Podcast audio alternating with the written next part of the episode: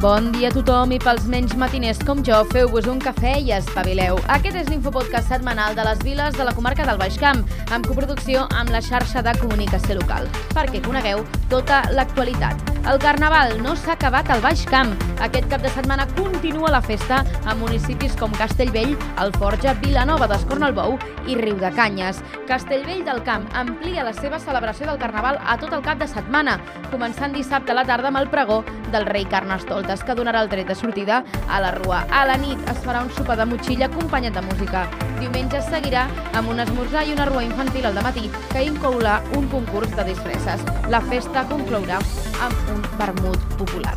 Per altra banda, el Forja dissabte farà una rua pel poble que comptarà amb un concurs que donarà premis a les tres millors carrosses i disfresses. Després hi haurà un sopar popular a la Sala Rodona. També s'habilitarà el pavelló municipal per fer sopar de motxilla i finalment es farà el ball de carnaval que durarà fins les 3 de la matinada al mateix pavelló.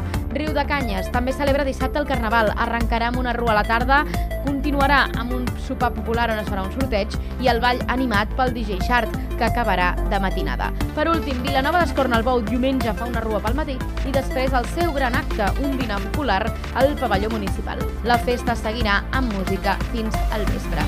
I tanquem el bloc de Carnaval i anem cap als successos. Un home ha estat detingut a Saragossa com a presumpte autor de la mort violenta d'un altre a Cambrils dilluns passat. La víctima va aparèixer amb el ferit en un camí rural entre aquesta localitat i Vinyols i els Arts i malgrat els esforços dels serveis d'emergència no va ser possible salvar-li la vida. Els primers indicis apuntaven a un atropellament intencionat. Els Mossos d'Esquadra han indicat que en el marc de la investigació van aconseguir identificar el presumpte autor de la mort i van transmetre una alarma a la resta de cossos estatals. L'alarma ha saltat aquest dijous a la capital aragonesa i l'home ha estat detingut. Per altra banda, l'aeroport de Reus ha tancat el gener amb 766 passatgers, un 95% més que el mateix mes de l'any passat.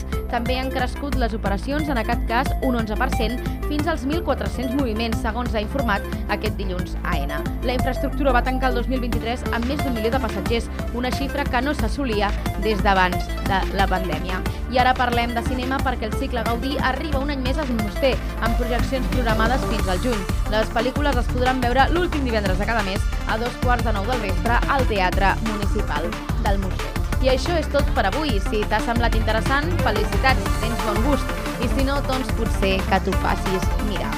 Recorda que pots recuperar tots els nostres infopodcasts al web www.baixcampradio.com. Ens escoltem el pròxim divendres. Bon cap de setmana!